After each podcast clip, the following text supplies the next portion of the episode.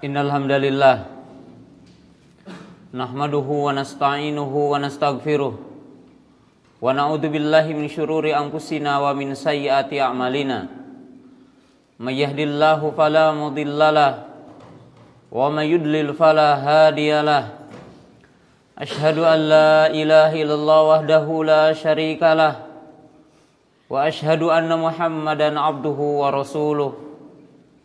Wassalatu wassalamu ala rasulillah Wa ala alihi wa ashabihi wa man tabi'ahum bi ihsanin ila yaumiddin Ya ayuhalladzina amanu taqullaha haqqa tuqatih Wa la tamutunna illa wa antum muslimun I'lamu rahimakumullah fa inna khairal hadithi kitabullah Wa khairal hadi hadi Muhammad sallallahu alaihi wasallam Wa syarul umuri muhdathatuha wa kulla muhdatsatin bid'ah wa kulla bid'atin dhalalah wa kulla dhalalatin finnar. Wa qad qala Allah ta'ala inna min asrati sa'ah. Raf'al ilmi wa intisharul jahli. Wa qala Nabi sallallahu alaihi wasallam Inna Allah la yakbidul ilma intiza'an yantazi'uhu minal abd walakin yakbidul ilma biqabdil ulama. Hatta lam lam aliman itakhadan nasu ru'asan juhala fasu'ilu fa'abtu bi ghairi ilmin fadallu wa adallu Sidang Jumat yang dirahmati Allah Subhanahu wa taala. Rasulullah Shallallahu alaihi wasallam menjelaskan di dalam hadis yang sangat agung menjelaskan tentang kedudukan ilmu dan bahaya kejahilan, bahaya kebodohan. Rasulullah SAW menjelaskan dalam sebuah hadis Inna min asrati sa'ah Sesungguhnya di antara ciri hari kiamat an yurfa'al ilm wa yudharul jahl. Sesungguhnya di antara ciri hari kiamat diangkatnya ilmu dan tersebarnya kejahilan. Di dalam riwayat yang lain itu hadis Abdullah bin Amr bin As Rasulullah Shallallahu Alaihi Wasallam bersabda, sesungguhnya Allah tidak mengangkat ilmu dari seseorang hamba seperti yang alim menjadi jahil, tetapi diangkatnya ilmu dengan diangkatnya para ulama, dengan matinya para ulama, dengan wafatnya para ulama. Maka tatkala wafatnya para ulama, perginya para ulama, maka tersisalah di antara kita orang-orang yang jahil. Maka dia ditanya, maka dia memberikan jawaban, memberikan fatwa dengan tanpa ilmu, maka dia sesat dan menyesatkan. Sidang Jumat yang dirahmati Allah Subhanahu wa taala. Hadis ini menyebutkan dua sisi yang sangat agung yang wajib diperhatikan oleh kaum muslimin. Sisi yang pertama menjelaskan fadlul ilmi wal alim wal ulama. Kedudukan ilmu dan kedudukan orang-orang yang berilmu. Orang akan berada dalam kebenaran, berada dalam petunjuk sejauh pemahaman orang kepada agama yang mulia ini. Maka dengan itu Allah Subhanahu wa taala menjelaskan di dalam ayat Al-Qur'an Innama yakhsyallaha min ibadihil ulama Hanyalah orang-orang yang takut kepada Allah yang melaksanakan perintah-perintah Allah, menjauhi larangan-larangan Allah al-ulama. Itu orang yang alim, yang tahu kepada perintah Allah, yang tahu kepada larangan Allah. Rasulullah Shallallahu Alaihi Wasallam menjelaskan di dalam hadis, Man yuridillahu bihi khairan yufaqihu fid din. Barang siapa yang Allah berkendak orang itu berada dalam petunjuk, berada dalam kebaikan, maka Allah menjadikan orang itu fakih. Sidang Jumat yang dirahmati Allah Ta'ala, petunjuk yang kita akan dapatkan dari Allah. Petunjuk yang kita akan dapatkan, hidayah yang kita akan dapatkan sejauh pemahaman kita kepada agama ini. Sejauh pemahaman kita kepada perintah-perintah Allah, sejauh pemahaman kita kepada larangan-larangan Allah Ta'ala.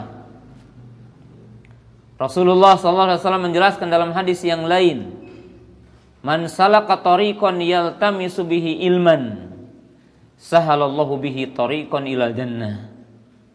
Nabi SAW menjelaskan barang siapa yang berjalan mencari ilmu, maka Allah akan memudahkan baginya jalan ke surga. Para jamaah bisa mendapatkan keindahan surga, bisa mendapatkan kenikmatan surga dicapai dengan ilmu. Bagaimana dicapai dengan ilmu? Sebab surga dicapai dengan melaksanakan perintah Allah dan menjauhi larangan Allah. Surga akan dicapai dengan keimanan dan amal soleh. Tatkala orang mengerti arti keimanan, dan tahu tentang perintah-perintah Allah, amal-amal soleh yang Allah Ta'ala perintahkan kepada kita, yang Rasulullah SAW contohkan kepada kita, maka dia akan mendapatkan surganya Allah Subhanahu wa Ta'ala. Kemudian Rasulullah Shallallahu Alaihi Wasallam menjelaskan bahwa nikmat yang terbesar yang Allah anugerahkan kepada manusia adalah nikmat ilmu. Oleh sebab itu para nabi tidak mewariskan uang perak, tidak mewariskan uang emas, tetapi mereka mewariskan ilmu. Mereka tidak mewariskan dunia, tetapi mereka mewariskan ilmu. Qala Nabi sallallahu alaihi wasallam innal anbiya'a la yuwarithuna dinaran wala dirhama wa inna ma yuwarithuna ilma. Wa qala Nabi sallallahu alaihi wasallam al ulama warasatul anbiya. Sesungguhnya para nabi tidak mewariskan uang perak, tidak mewariskan uang emas, tidak mewariskan dunia, tetapi mewariskan ilmu. Sesungguhnya para ulama adalah pewaris para nabi. Maka orang yang mempelajari halal dan haram, mempelajari kewajiban-kewajiban, maka dia telah mengambil sesuatu yang banyak yang ada di sisi Rasulullah Sallallahu Alaihi Wasallam dan dia telah mewarisi sesuatu yang mulia dari sisi Rasulullah sallallahu alaihi wasallam. Rasulullah SAW menjelaskan tentang orang yang berilmu keutamaannya. Qala Nabi sallallahu alaihi wasallam, "Innallaha wa malaikatahu wa ahlus samai wa ahlul ard. Hatta an-namlata fi hujriha wal hut. La yusalluna ala muallimin nasi al khaira. Rasulullah SAW menjelaskan sesungguhnya Allah dan para malaikat, penduduk langit, penduduk bumi, sehingga semut-semut yang ada di sarangnya dan ikan-ikan yang ada di lautan, maka mereka akan mengucapkan solawat, mendoakan, memintakan pengampunan bagi setiap orang yang mengajarkan ilmu, mengajarkan halal dan haram, memperkenalkan kebaikan, memperkenalkan hukum Allah kepada manusia, mereka akan mendapatkan doa dari para malaikat. Dan di antara keutamaan ilmu dan bagian dari ulama. Rasulullah SAW menjelaskan innal malaikata la tabau ajnihataha li talabul ilmi ridon bima yaf'al. Sesungguhnya para malaikat akan mengempaskan sayap-sayapnya ngapaken jangjangna kepada setiap majelis taklim turun dari langit ke bumi menghadiri majelis-majelis taklim karena mereka ridho terhadap para penuntut ilmu seraya mereka mengatakan Allahumma arhamhum Allahumma gfirlahum Ya Allah rahmati para tolabul ilmi Ya Allah ampunilah dosa-dosa mereka maka ini adalah keutamaan ilmu, keagungan ilmu, yang merupakan bagian istimbat dari hadis yang tadi. Barakallahu wa lakum.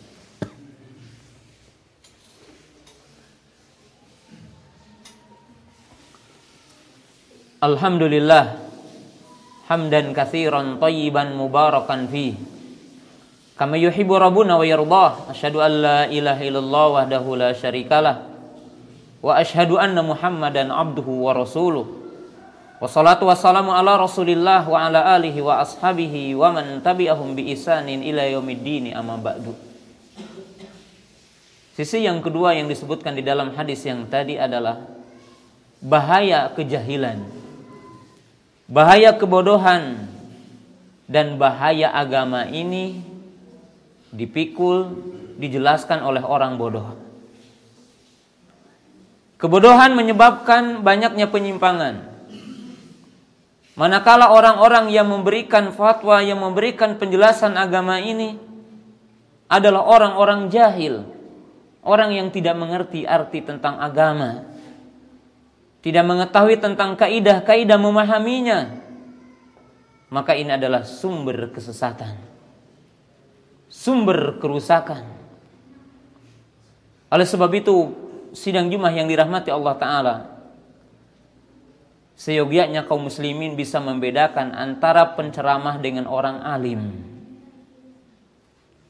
Sebab yang dimaksud dengan orang alim, al-alimu bil kitabi wa sunnah, itu orang yang alim kepada Al-Quran dan Sunnah. Orang yang memiliki hafalan tentang ayat Quran. Orang yang memiliki pengetahuan tentang hadis-hadis Nabi SAW. Memisahkan sahih dengan doifnya. Sebab kita mendapatkan hari ini para penceramah. Baik di mimbar-mimbar ataupun mungkin di berbagai tempat. Bisa berbicara tetapi dengan hadis palsu. Dengan hadis doif Padahal salah satu sumber kesesatan, sumber perbuatan-perbuatan yang bid'ah, salah satunya disebabkan dengan hadis doif. Dengan hadis palsu. Makanya Imam Ahmad rahimahullah taala mengatakan, "Yan bagi liman hamalan nafsahu alal futya an yakuna aliman bi awjuhul Qur'an, an yakuna aliman bis sahihi was saqimi, an yakuna aliman bis sunnani."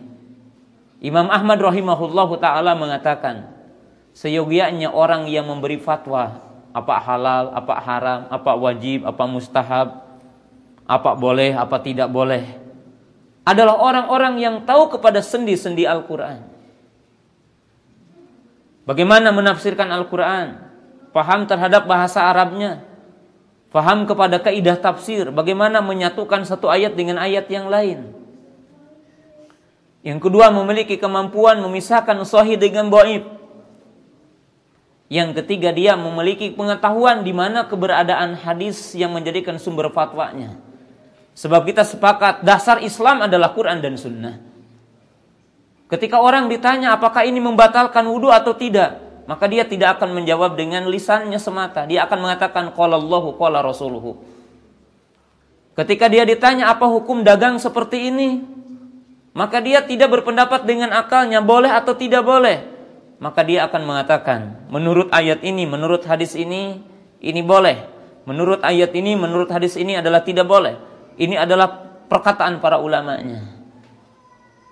Maka Nabi SAW mengatakan, apabila telah pergi orang-orang alim dan yang menjelaskan agama adalah para penceramah yang hanya mampu bisa mengolah kata-kata.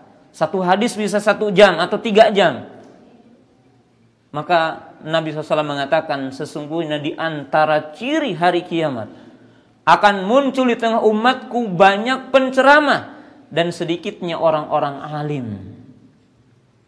Bahkan Imam Ahmad rahimahullahu taala pernah ditanya, kapan seseorang dikatakan fakih? Qala ma indahu mi'atu alfi hadisin. Orang dikatakan fakih apabila dia mengetahui seratus hadis.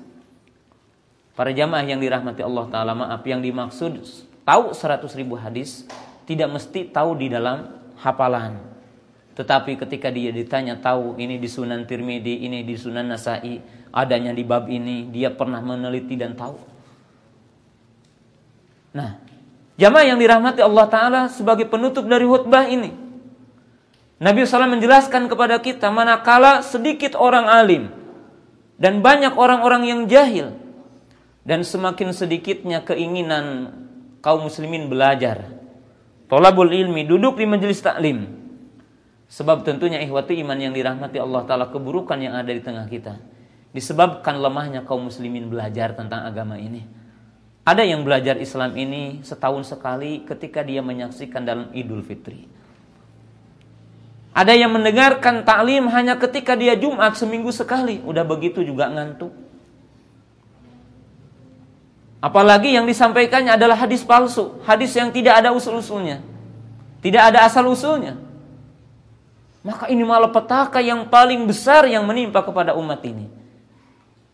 Sebagai kalimat terakhir, lihatlah apa yang menjadikan kebaikan pada umat terdahulu, para sahabat, para tabi'in. Lihat Jabir ibnu Abdullah demi satu hadis berjalan satu bulan. Di masa Imam Malik mereka mengatakan majlis Malik khairu minad dunya wa ma fiha wa hadara fi majlisihi nahwa sab'ina alfan minal muslimin. Kaum muslimin di masa Imam Malik yang menjelaskan salah satunya adalah kitab Al-Muwatta mereka mengatakan majelis Malik lebih baik ketimbang dunia dan seisinya.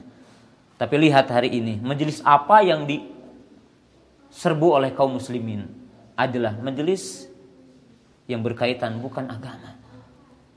Dan telah hadir pada majelis Imam Malik 70 ribu kaum muslimin pada masa itu.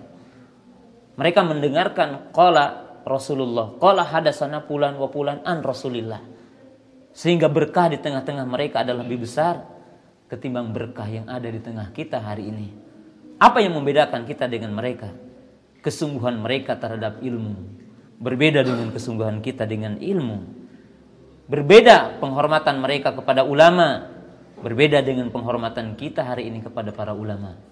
Mudah-mudahan Allah Subhanahu wa taala memberikan taufik dan hidayah kepada kita agar kita senantiasa berada di atas sunnah Rasulullah Sallallahu Alaihi Wasallam. Diberikan taufik dan hidayah cinta kepada ilmu, dan mengamalkan ilmu. Rabbana la tuzigh qulubana ba'da id hadaitana wa hab lana min ladunka innaka antal wahhab. Rabbana hab lana min azwajina wa dhurriyyatina qurrata a'yun waj'alna lil muttaqina imama. Ya muqallibal qulub tsabbit qulubana ala dinik. Ya muqallibal qulub tsabbit qulubana ala dinik. Allahumma ansur muslimina fi kulli makan. Allahumma ansur muslimin fi kulli makan. Rabbana atina fid dunya hasanah wa fil akhirati hasanah wa qina adzabannar. Assalamualaikum.